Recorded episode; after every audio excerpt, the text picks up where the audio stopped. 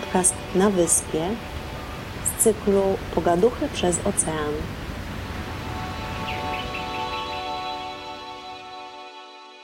Ponieważ jestem początkującą podcasterką, a to jest dopiero trzeci odcinek cyklu Pogaduchy przez ocean, wydarzyło się coś, na co nie byłam przygotowana. Po nagraniu rozmowy udało mi się pobrać całą ścieżkę dźwiękową mojego gościa, ale tylko kilkanaście początkowych minut mojego głosu. Padła wówczas propozycja, że może nagramy tę rozmowę ponownie. Ale ponieważ nic dwa razy się nie zdarza i nie zdarzy, a my już nigdy nie będziemy takie, jakimi byłyśmy podczas tego nagrania, postanowiłam posłać w świat taką wersję, która z pewnością nie jest bliska ideału, ale za to autentyczna. Słuchacze z pewnością sami wyłapaliby krytyczny moment, ale wyraźnie go zaznaczę i uzupełnię braki we wszystkich pustych miejscach, gdzie brakuje pytań, które zadałam Joannie. Zapraszam do słuchania.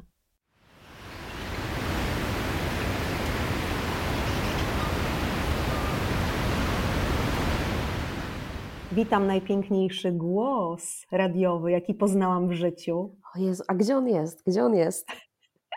No właśnie po drugiej stronie ekranu i po drugiej stronie oceanu. Mm, tak daleko. Tak daleko. Wiesz co, jak powiedziałaś, że po drugiej stronie oceanu, no to faktycznie spora odległość nas dzieli. Tak. Cześć, dziękuję za zaproszenie. cześć Janno, cześć. Od kiedy Cię znam, jeszcze nikt nie pobił tego mojego osobistego rekordu. Uwielbiam słuchać Twoich podcastów, uwielbiam słuchać Twojego głosu, także czy rozmawiamy prywatnie, czy słucham Twoich wypowiedzi gdzieś w podcaście, czy na jakichś konferencjach, to zawsze na moje uszy bardzo, bardzo to dobrze robi. Ale myślę, że to jest też związane z Twoim fachem trochę. Ale to wiesz, to ty mi teraz bardzo wysoko postawiłaś poprzeczkę z dwóch powodów. Pierwszy, którego nie znasz, bo ja ci chyba nie pisałam, że faktycznie od tygodnia jestem przeziębiona, więc ten mój dzisiejszy głos będzie pewnie bardziej przypominał głos Janis Joplin niż mój normalny ale e, drugi, e, ten, ta, ta, druga poprzeczka związana jest z tym, że teraz wszyscy Twoi słuchacze, którzy mnie nie znają, e, będą słuchali nie pod kątem tego, co mam do powiedzenia, tylko jak ona mówi i czy faktycznie jest tak, jak, jak Iza twierdzi. Ale bardzo Ci dziękuję za te miłe słowa, bo to są zawsze miłe, miłe słowa i mi, miło jest mi słyszeć. Zwłaszcza, że ostatnio sobie podliczyłam, że głosem i z głosem pracuję od 27 lat więc to już jest taki spory kawałek e, takiego, taki, takiej w ogóle świadomości tego, że mamy głos, że, że możemy dużo tym głosem zadziałać, że, e, że dużo możemy zadziałać nawet wtedy, kiedy nie wykorzystujemy go w sposób komercyjny, bo niekoniecznie musimy być lektorami, czy mm, muzykami, czy nagrywać podcast, e, ale też w codziennym życiu on bardzo mocno wpływa na to, jak my działamy na inne osoby. Oj tak, i właśnie za chwilę zapytam Cię, co tak naprawdę Twój głos mówi o Tobie. E, ale skoro to jest 27 lat, Joanno, to myślę, że warto już sobie samej ten medal przypiąć po prostu. I niezależnie od tego, co kto sobie pomyśli, słuchając nawet ciebie w e, e, nie takiej kondycji, którą ty lubisz, że chciałabyś tym swoim pełnym głosem mówić, a nie przeziębionym, niezależnie od tego, co kto sobie pomyśli, przypnij sobie ten medal, bo naprawdę warto ale ja sobie przypinam, bo ja no też, i prawidłowo. E, bo ja też uważam, że mam dobry głos. Uważam, że mam też dobrą dykcję. Właśnie. U każdej osoby, czy u prawie każdej, można jeszcze pracować nad dykcją, nad intonacją, modulacją i tak dalej. Gdyby to jest taka materia, która cały czas e, wiesz, no ona, ona nie lubi odpuszczenia, czyli cały czas dobrze byłoby pracować i staram się pracować w miarę możliwości, ale, no ale też pewnie nie tak jak profesjonaliści, którzy też z tego żyją. E, ale tak, ja lubię mój głos, wiem, że dużo pracowałam, żeby on brzmiał tak, jak brzmi i żebym ja potrafiła też nad nim zapanować, bo nie zawsze potrafimy panować. Powiem Ci, że ja w pewnym momencie życia zaczęłam wątpić w swój słuch, przez to, że ludzie mówili byle jak. Okay. Ja ich nie rozumiałam po prostu, mhm. a okazało się, że są osoby takie jak ty, kiedy niezależnie od tego, co mówią do mnie, jak mam włączoną głośność w słuchawkach i tak dalej, rozumiem wszystko bez żadnego problemu. Więc dla mnie jest to bardzo istotne, jak kto mówi, i y, no, wręcz nie tylko jest dla mnie komfortowe, jeżeli kogoś rozumiem, ale no, pomaga mi w komunikacji z tym człowiekiem. Ale wiesz, skąd to się bierze? Stąd, że my w szkole nie byłyśmy uczone tego, żeby mówić wyraźnie, poprawnie, byłyśmy uczone różnych reguł ortograficznych, gramatycznych, które są ważne, tak? To jest ważne, ale byłyśmy też uczone tego, żeby odbębnić jakiś wierszyk, mm, a mało się mówiło, czy też, a przynajmniej w mojej szkole mało się mówiło i wątpię, żeby się to zmieniło, jak ważna jest dykcja i wiesz, i było mało pracy z, ze specjalistami, tak? Więc i myślę też, że często to jest nieświadomość rodziców, jak bardzo ważny jest y, nasz głos i że, no powtórzę, tak, że, że, że tym głosem można pracować. I my mało jako rodzice robimy, żeby zwracać uwagę na to, w jaki sposób nasze dzieci mówią, że jeżeli słyszymy być może, a myślę też, że często jako rodzice tego nie słyszymy, E, ale to już szkoła powinna nam pomóc, że pojawiają się jakieś nieprawidłowości, to powinniśmy skorzystać z pomocy specjalistów, którzy są w stanie wyprowadzić dzieci z pewnych wad, z wielu wad zapewne, i potem też ułatwić im późniejsze życie, bo mam dokładnie tak samo, tak jak Ty mówisz, jeżeli słyszę, że ktoś mówi niewyraźnie, to mnie to fizycznie boli. E, boli mnie to fizycznie, że dorosła osoba mówi niewyraźnie. E, dzisiaj byłam na takim spotkaniu online'owym, które e, samo w sobie jest utrudnione, tak? No bo jesteśmy online, więc jest duża bariera między nami. Dodatkowo ta osoba była w oddaleniu, to był taki cały pokój konferencyjny, było ileś, ileś tych osób. I akurat ta osoba, która mówiła najwięcej, mówiła najmniej składnie. Hmm. Dykcja leżała, ale też cała taka dynamika wypowiedzi, jasność wypowiedzi, precyzja, to wszystko leżało. Ja po siedmiu minutach tego spotkania wiedziałam, że to będzie stracony czas, bo wiesz, no nic fajnego jak gdyby z tego nie wyjdzie. Nie jesteś w stanie się skupić. Nie. Wiesz, dużo się mówi na przykład o wystąpieniach publicznych teraz, nie? albo o storytellingu i tak dalej, że one są istotne. I ja naprawdę uważam, że są istotne. I to nie musimy być wykładowcami, albo nie musimy być konferencjerami, czy też może prezenterami na konferencjach, może bardziej w ten sposób, żeby opanować e, tę sztukę wystąpień publicznych. Uważam, że każdy z nas, kto rozmawia z drugą osobą, czyli już ma publiczność, dobrze, żeby przynajmniej takie podstawy, y, podstawy znał. No ale to też może być u mnie po prostu zboczenie zawodowe. Nie, nie, nie, nie. Ja tak, myślę, że jednak, że jednak to y, ma głęboki sens, bo teraz wyobraź sobie, Anno, jak ja idę na zajęcia z języka portugalskiego, gdzie mówią do mnie Niemcy, Aha. mówią mówić po portugalsku, czyli tak naprawdę y, my się dopiero uczymy, więc mówią już też mało poprawnie na razie, a nawet jak mówią, y, próbują mówić po angielsku do mnie, a mówią niewyraźnie nawet w swoim języku czy po angielsku, to jest po prostu no, koszmar. Koszmar. Nie jesteś w stanie się w ogóle skomunikować z ludźmi ze swojej grupy, mówiąc najprostsze rzeczy najprostszymi słowami. Pewnie, tak, tak, tak po prostu jest. Ja sobie myślę o też takich zwykłych naszych codziennych sytuacjach. Dzwonisz gdzieś załatwić coś w jakimś urzędzie czy w innym miejscu i okazuje się, że po drugiej stronie, poza tym znowu, że masz szum w słuchawce i różne zakłócenia, no to jest osoba, która nie do końca będzie wyraźnie mówiła. No i co, co się dzieje? Irytujesz się, nie? Ale to nie jest tylko kwestia tego, czy my mówimy wyraźnie, czy nie, ale też na przykład tego, jaki mamy e, ton naszego głosu. Czy nasz głos jest wysoki, kobiety z reguły mają wyższy głos niż mężczyźni, czy on jest, wiesz, wysoki, piskliwy, czy jest obniżony. E, podobno w badaniach zostało udowodnione, że jeżeli kobiety mają bardziej mm, obniżony głos, to są wtedy bardziej wiarygodne. No i teraz e, wyobraźmy sobie taką sytuację, każdy z nas, każda z nas, ale też pewnie każdy z Twoich słuchaczy był w takiej sytuacji, że po drugiej stronie w tej słuchawce mówi do niego kobieta bardzo wysokim, bardzo piskliwym głosem. Ja pamiętam też, byłam kiedyś na konferencji, na której, zresztą to nie raz było, bo to, to się wiele razy zdarza, tak? I widzę na konferencjach kobiety, które mówią bardzo wysokim głosem. Tak. I teraz tak, z jednej strony mnie to znowu fizycznie boli, to nie jest żadna przenośnia, po prostu mnie bolą uszy wtedy, kiedy, kiedy słyszę zbyt wysokie dźwięki, to raz. Dwa, nie chcę słuchać, bo mnie to irytuje. A trzy, głos tej kobiety bardzo nad tym, e, traci. To znaczy, bardzo łatwo sobie uszkodzić głos wtedy, kiedy mówimy zbyt wysoko, jakby o niego też nie dbamy, zwłaszcza w takich sytuacjach stresujących. Więc znowu, tutaj brakuje nam takiej informacji, wiedzy, co zrobić, żeby, żeby nasz głos obniżyć. I pamiętam, że te początki moje takie przy mikrofonie polegały właśnie na tym, że ja musiałam znaleźć swój sposób y, na to, żeby, żeby z głosem dobrze pracować i żeby go troszeczkę obniżyć, bo jak generalnie mam delikatny głos, ale e, był dosyć wysoki. On nie był bardzo wysoki, był dosyć wysoki.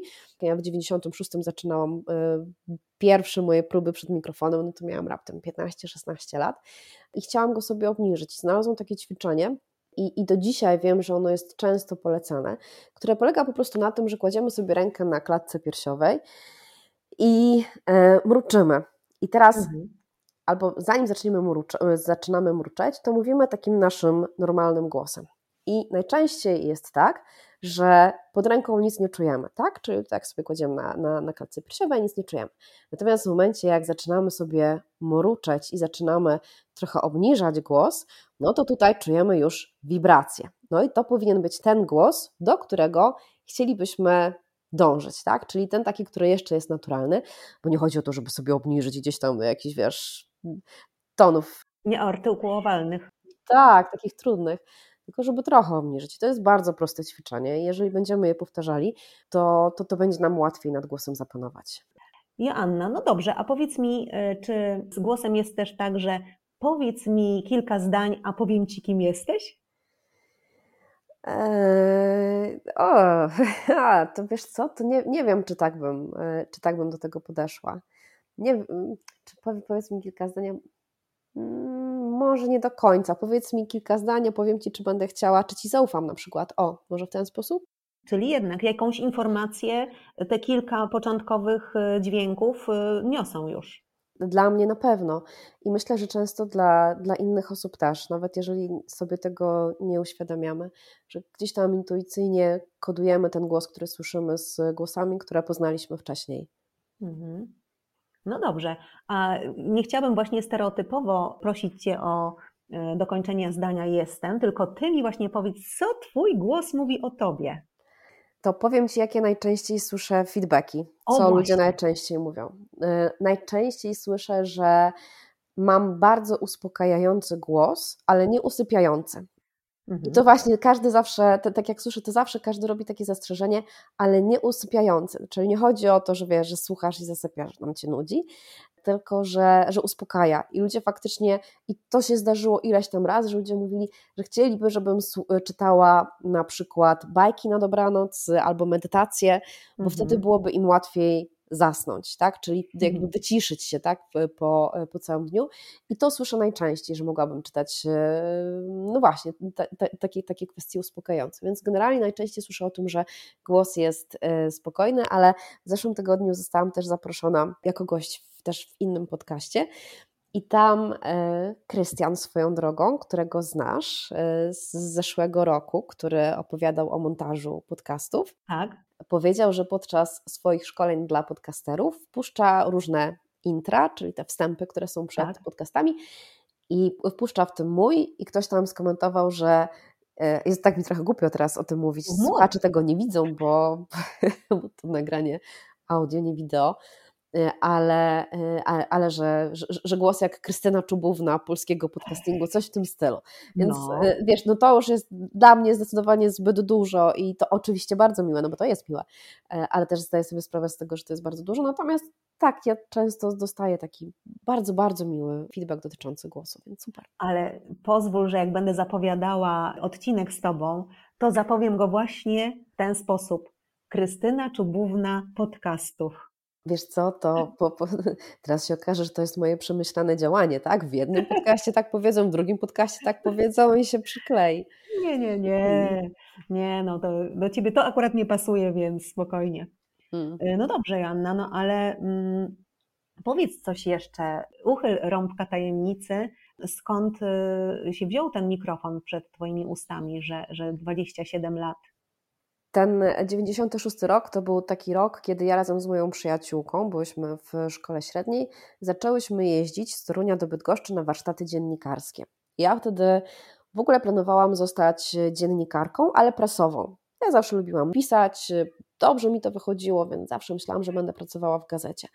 I te warsztaty były, wiesz, one się odbywały co tydzień. My byliśmy bardzo zaangażowane, bo czy to była wiosna, zima, czy tam padało, nie padało, my co piątek leciałyśmy na pociąg, potem do Bydgoszczy i w Bydgoszczy na zajęcia.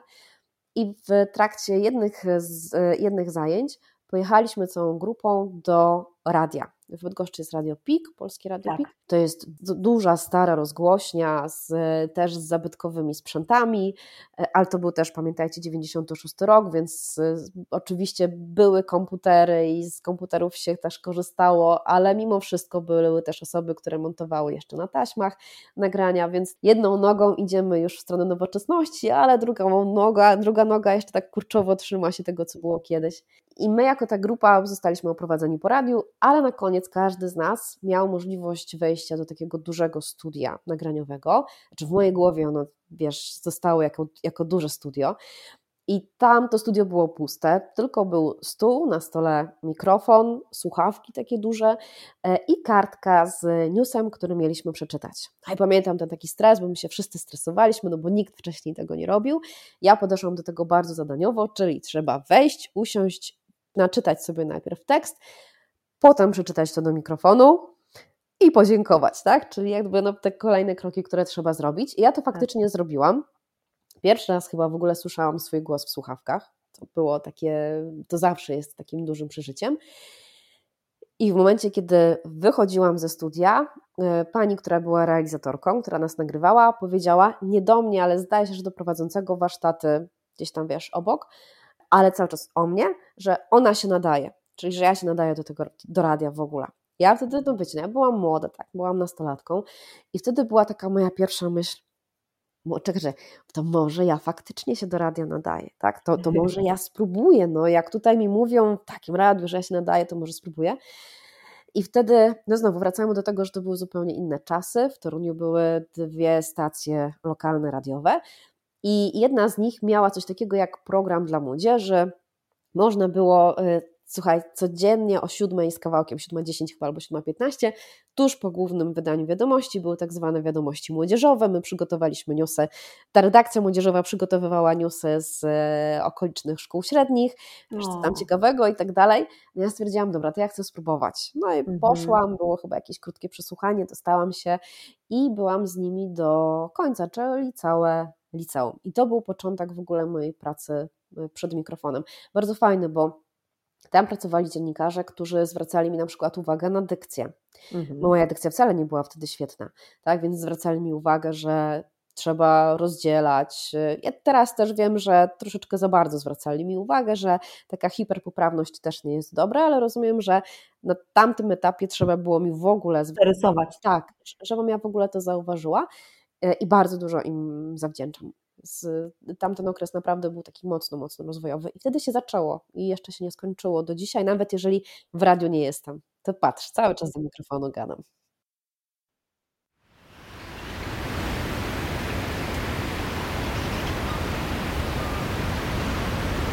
To właśnie od tego momentu dogrywam pytania, które zadałam Joannie.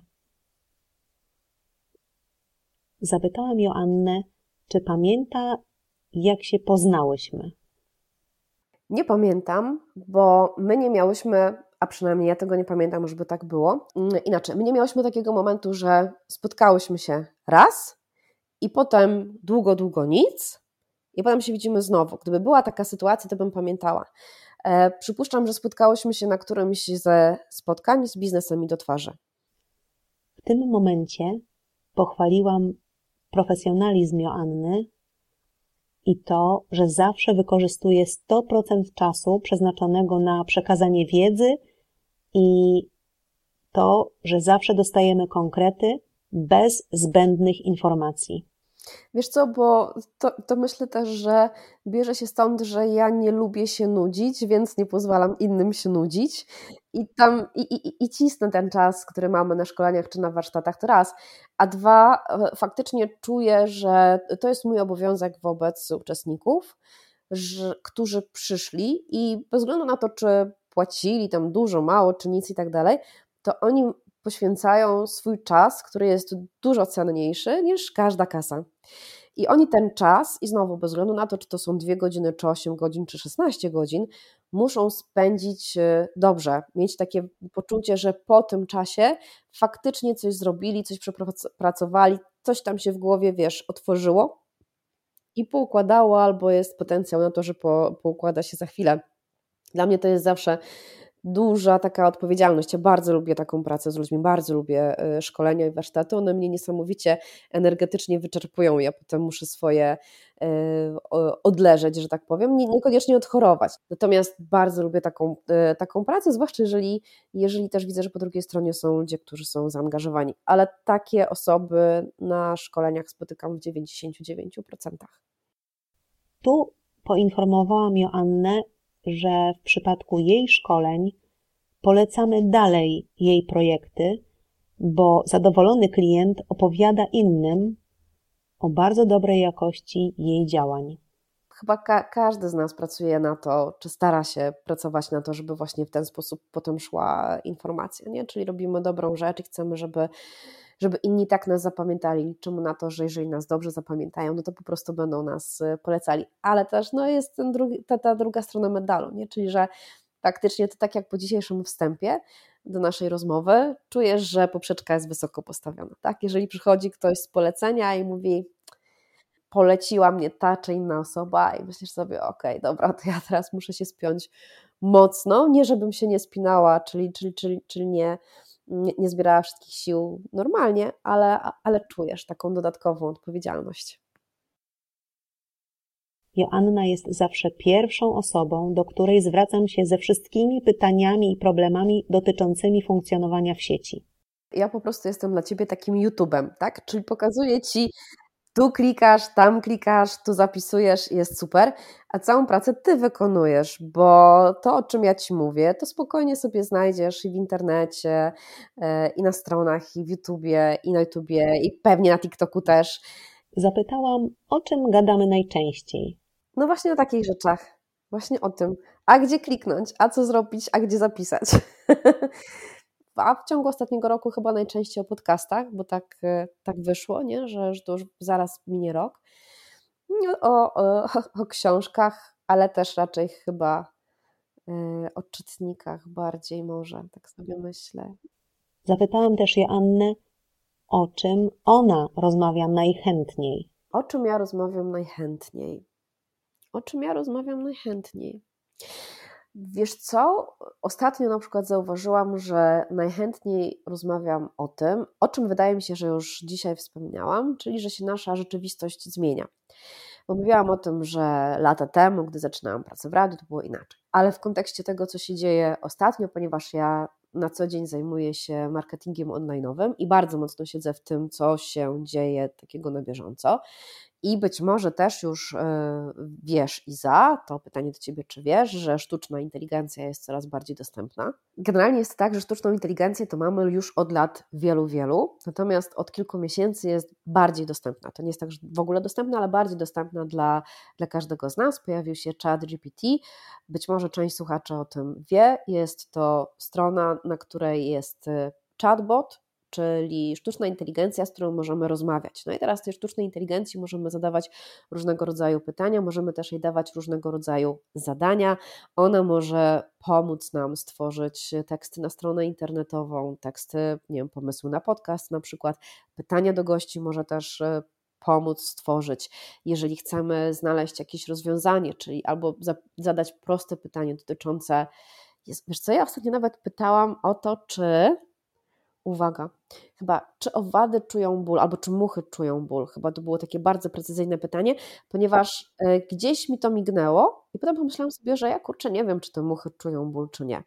I ja, ja mam akurat taki odruch, że zawsze wpisuję w Google pytanie, żeby, żeby się dowiedzieć, jakby muszę wiedzieć, to jest taki, wiesz, imperatyw. Ale stwierdziłam, że teraz y, nie spróbuję wyszukiwarki, tylko spróbuję ten czat i czat dał mi piękną odpowiedź dotyczącą właśnie tego, że niby nie, ale jednak trochę tak. E, bardzo, bardzo fajną odpowiedź e, dał. Więc e, to i, i teraz tak, dlaczego o tym mówię? Dlaczego to jest fascynujące? Dlatego, że wiele osób zamyka oczy i udaje, że tego nie ma, że nas to nie interesuje albo że to nas nie dotyczy. A tymczasem nasze stanowiska, tak jak czy też nasze zawody, czy też to, co robimy, będą ewoluowały pod wpływem tej sztucznej inteligencji. Może się okazać, że jeżeli ktoś teraz pracuje jako copywriter, to za chwilę jego praca będzie polegała na czymś zupełnie innym niż tworzenie tekstów czy tworzenie haseł do kampanii reklamowych, bo to zrobi czat. I ten czat zrobi to w ciągu jednej minuty i zrobi to dobrze. I teraz pytanie, co na przykład ja, jeżeli gdybym była takim copywriterem, co ja bym zrobiła dalej, tak? W takiej sytuacji, jak ja mogę teraz zaplanować swoją karierę, bo to ja muszę zrobić teraz, nie jutro, tylko teraz, tak jak nagrywamy, jeżeli słuchają nas te osoby, to, to, to jest do przemyślenia teraz, tak? Co będzie, jeżeli na przykład moim jedynym źródłem dochodu jest pisanie tekstów na zlecenie czyjeś i ktoś mi nagle powie, że sorry, nie, bo my mamy teraz w firmie jedną osobę, która jest w stanie, jeżeli do tej pory na przykład pisałaś, nie wiem, 10-15 tekstów dla danej firmy, to ona jest w stanie te same teksty napisać za pomocą czatu GPT, szybko zredagować i ma to gotowe, i ma to za free, tak, albo za jakąś tam niewielką opłatą miesięczną. I pisane też pod kątem wyszukiwarek, więc to, i oczywiście tam są różnego rodzaju niuanse, to już nie będziemy w to wchodziły, ale to jest dla mnie teraz fascynujące, czyli to, jak się ten nasz e, świat zmienia i to, czy my w ogóle na to potrafimy reagować, czy nie potrafimy reagować, nie? czy się boimy, e, czy zastanawiamy się, no dobra, to co teraz z tym dalej, tak? Co ja z tym teraz zrobię? Na przykład e, sztuczna inteligencja w tej chwili, gdybyśmy, gdybyśmy chciały, to mogłybyśmy zrobić sobie taki łańcuch. Zacząć od tego, że czat napisze ci tekst e, podcastu, czyli to, co miałabyś ty odczytać. Ale w innym narzędziu, gdzie ty dajesz próbkę swojego głosu, sztuczna inteligencja odczyta twoim głosem cały podcast. Ale ty sobie pomyślisz, dobra, to jest jeszcze troszeczkę za mało, chcę do tego wideo. Więc kolejnym kroku sztuczna inteligencja pod Twój awatar, czyli pod wiesz, Twoje zdjęcie, Twoje nagranie, podłoży ten głos. I będzie to wyglądało, jakbyś mówiła Ty. A na koniec sobie pomyślisz, dobra, to ja jeszcze do tego potrzebuję na przykład grafiki do mediów społecznościowych też Ci zrobi, albo prezentację, tak? I też Ci zrobi. I teraz wyobraź sobie, ile za chwilę powstanie na przykład takich podcastów, które będą po prostu odczytywaniem tego, napisała sztuczna inteligencja. Albo na przykład wyobraź sobie, że my akurat jesteśmy jeszcze w na tyle, powiedzmy, dobrej sytuacji, że język polski jest trudny. Trudno jest sztucznej inteligencji tak dobrze podłożyć pod nas yy, głos, tak? Tak, tak dobrze go imitować. Te kwestie związane z wymową nie są jeszcze idealne. Z językiem angielskim jest dużo łatwiej. No ale wyobraź sobie, to przecież będzie ewoluowało, to się będzie cały czas poprawiało. I wyobraź sobie za chwilę, że na przykład nie będziesz miała prezenterów w radiu, tylko to będą boty. Zresztą już teraz w Ohio jest, powstało radio, które prowadzi program tylko przy użyciu botów. Nie? Tam jest trzech prezenterów, trzy, trzy, trzy boty, które udają, znaczy nie wiem czy udają, no są prezenterami, które dostają właśnie wcześniej napisany y, tekst, a ten tekst jest napisany na podstawie przefiltrowanych przez sztuczną inteligencję 250 tysięcy zapytań z internetu z danego dnia. Czyli wychwytują te tematy, które są najciekawsze. No i to, to jest, wiesz, to jest, to jest coś, co się, co się zmienia. Według mnie to jest, wiesz, to jest taka zmiana jak wprowadzenie kolei, tak? Albo jak wprowadzenie samochodu, że my się wszyscy baliśmy, co to będzie, jak nie będziemy jeździli powozami, tylko teraz wejdą samochody. No ale tego nie zatrzymamy. Tylko pytanie, jak, jak my się odnajdziemy. I to jest dla mnie taki fascynujący temat, ale już go będę kończyła, bo chyba dosyć długo o tym opowiadam.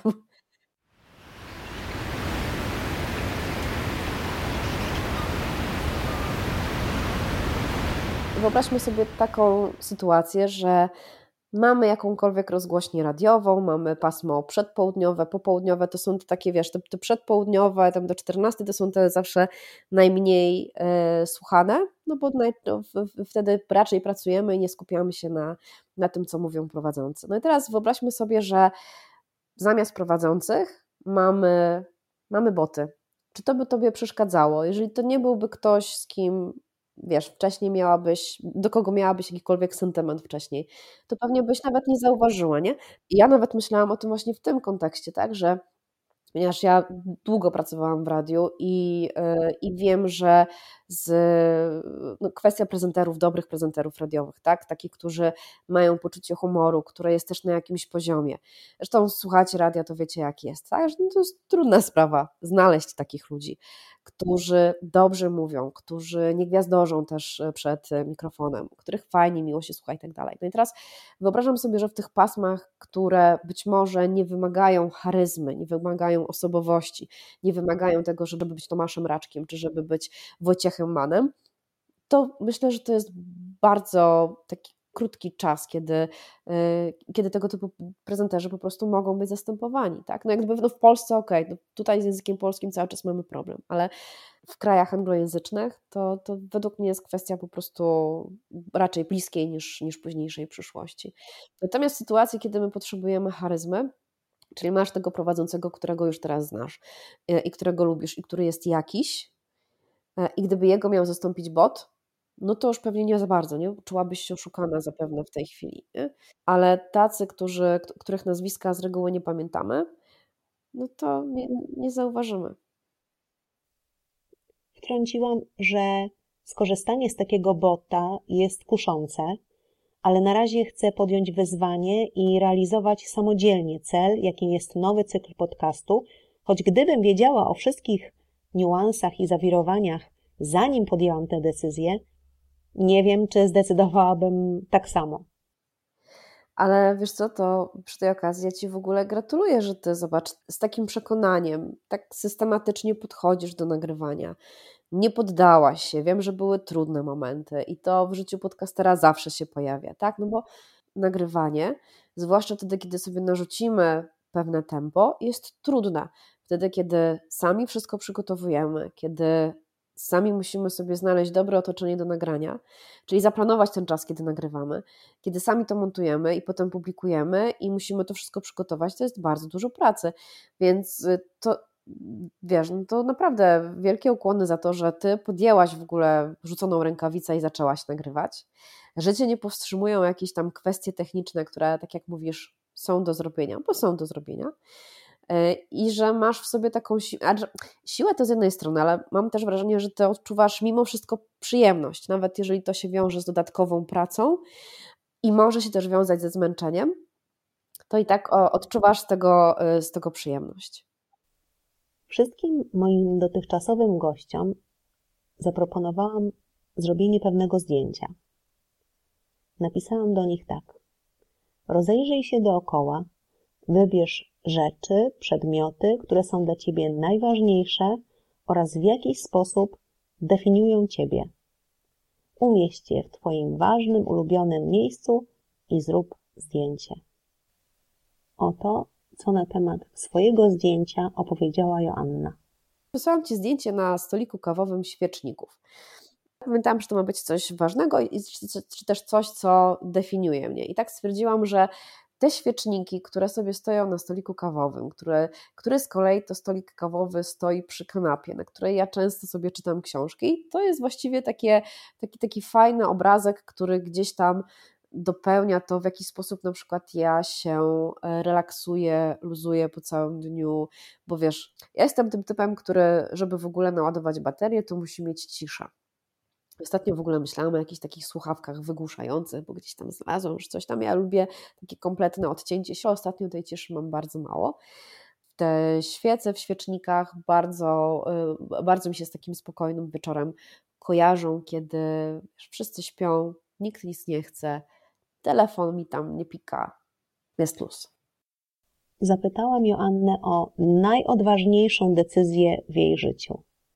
Myślę, że najodważniejsza decyzja, którą zrealizowałam, to był rok 2005, jeśli dobrze pamiętam. I to może nie tyle była najodważniejsza decyzja, ale taka najodważniejsza myśl, która jest mi bliska do dzisiaj. Ja pamiętam, że wtedy skończyłam pracę w pierwszej korporacji i wtedy postanowiłam sobie, że jakby nasze życie jest zbyt cenne, żeby pracować z ludźmi, którzy nas nie doceniają.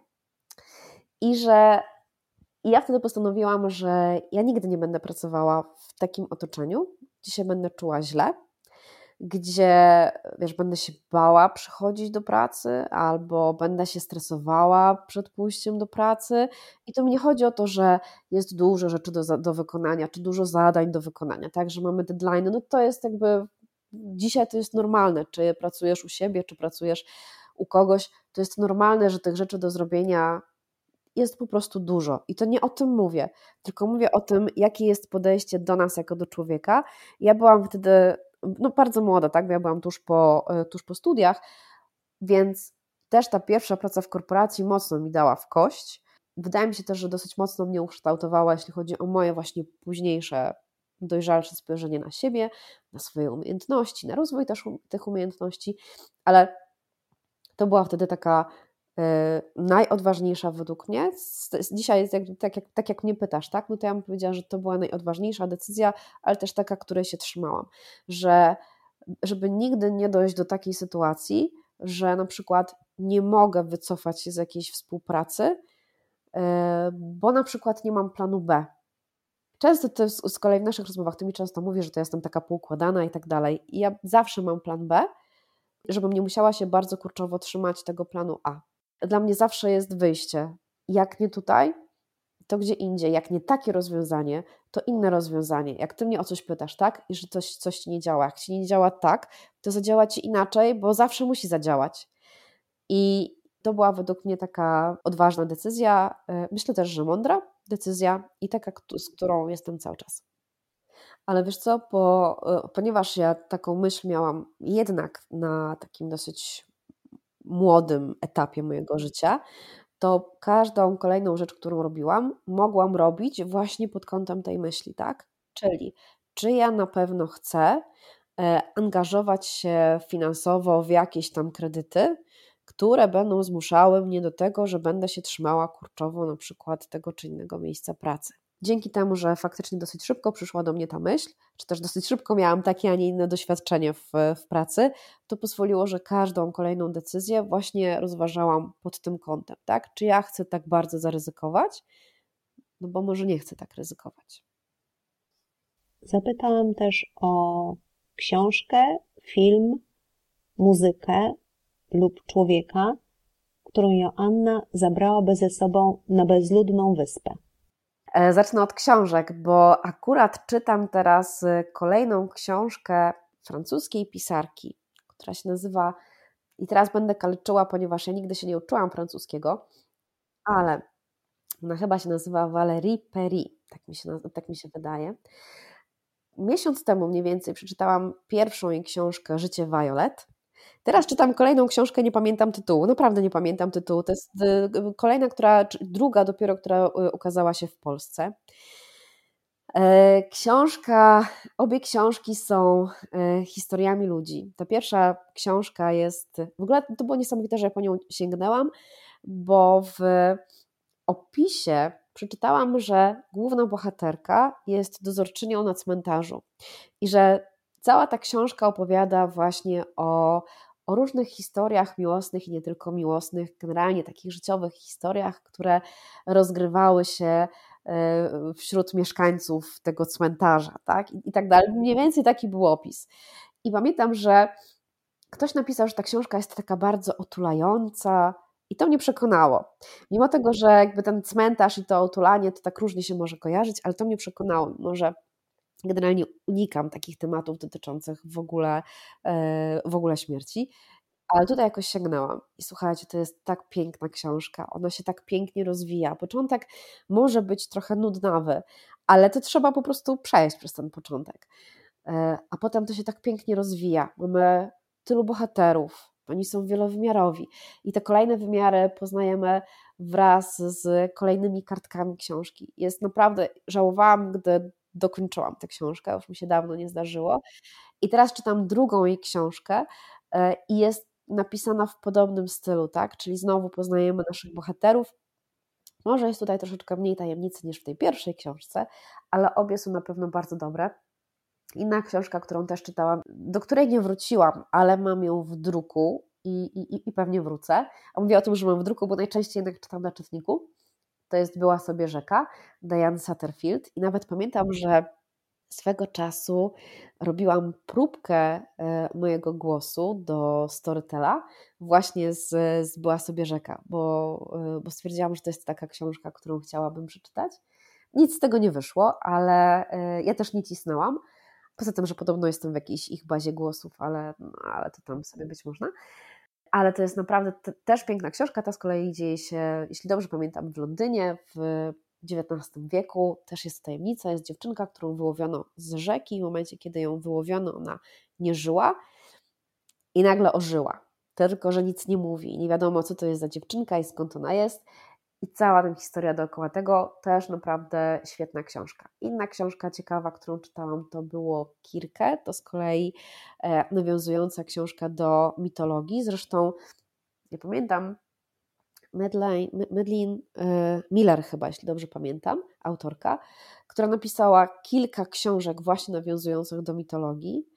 E, I to jest ciekawe, ponieważ ja mitologię pamiętam ze szkoły średniej i raczej pamiętam ją tak sobie. No przypuszczam, że tak jak większość z nas, tak? Wiemy, że tam był Zeus, że był Prometeusz i tak dalej, ale gdy wróciłam teraz do, do mitologii, już w wieku moim, i zaczęłam czytać, jak bardzo krwawe, jak bardzo takie bezwzględna, jaka jak bardzo krwawa, bezwzględna była mitologia, jak e, bardzo źle traktowała kobiety.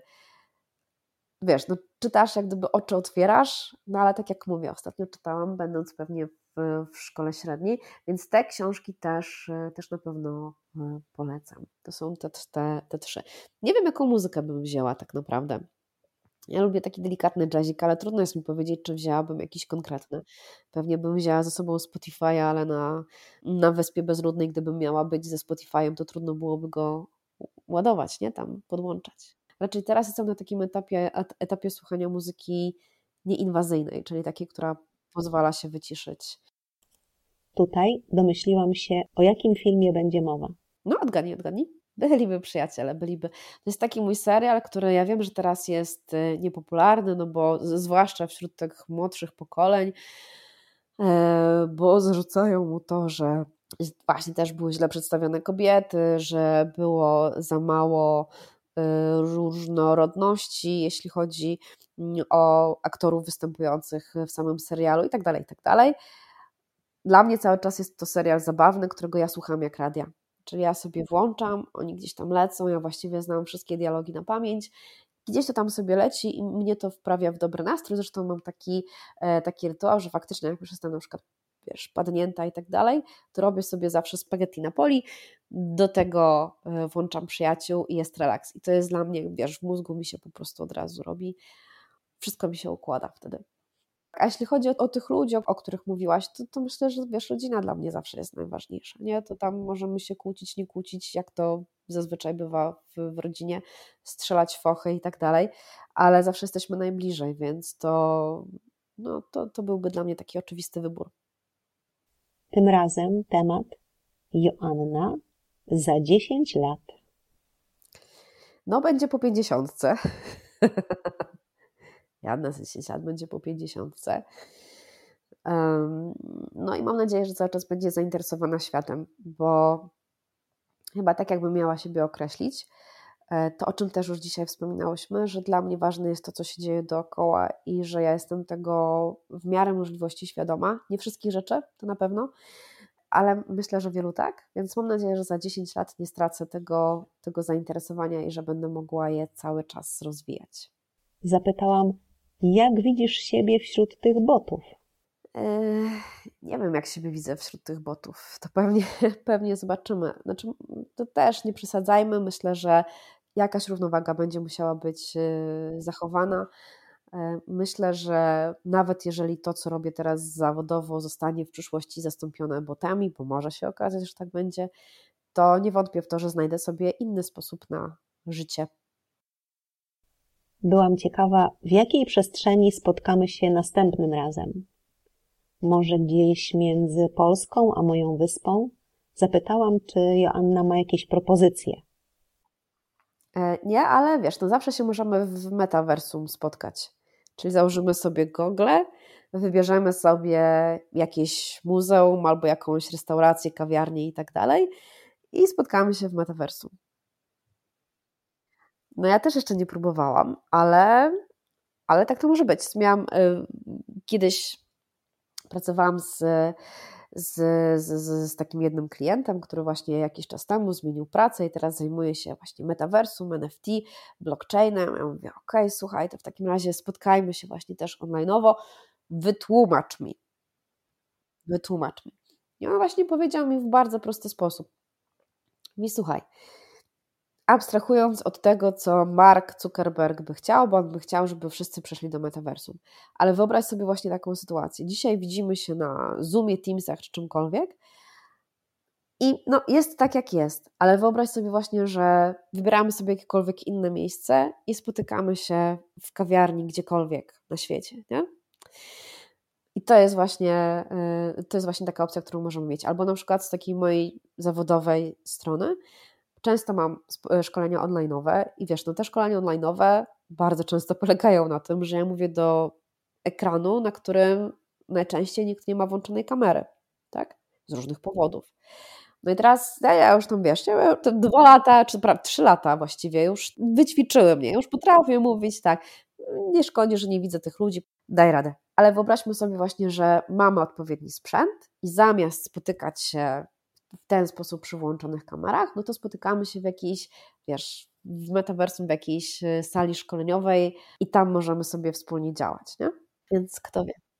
Wspomniałam, że ostatnio umówiłam się ze znajomymi pisarkami w portugalskim Porto jako fajne, alternatywne miejsce na spotkanie. Aha, no piękne, piękne. To jest piękne, tak, że wsiadasz w samolot i możesz właściwie znaleźć się gdzie chcesz, tak, że, że masz taką możliwość, żeby, żeby w ogóle, że my mamy tak, taką możliwość, żeby podróżować, że niewiele nas powstrzymuje od tego, jest dobre.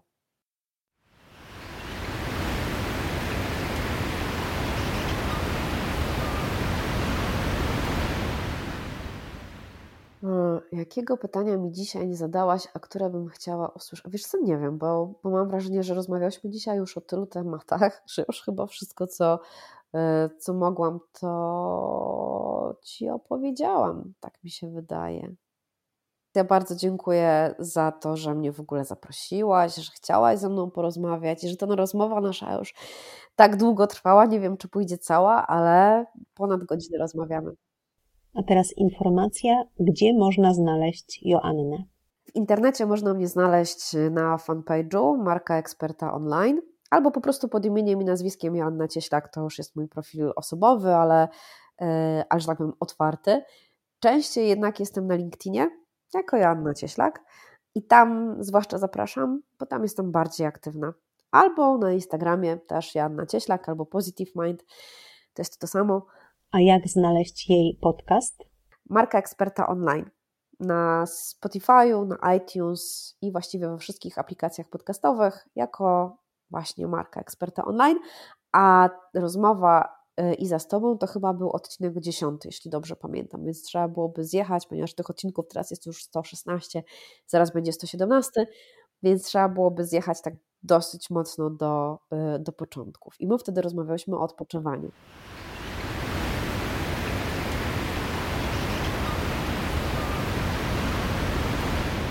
Bardzo dziękuję. Do zobaczenia. A właściwie do usłyszenia. Jeśli zechcesz podzielić się swoimi refleksjami po wysłuchanych odcinkach, zapraszam do komentowania bezpośrednio na mojej stronie www.izabelabielicka.pl w zakładce podcast. Możesz też wesprzeć moją twórczość wirtualną kawą, wpisując podcast na wyspie na buycoffee.tu zasubskrybuj mój kanał, żeby nie umknął Ci kolejny niedzielny odcinek.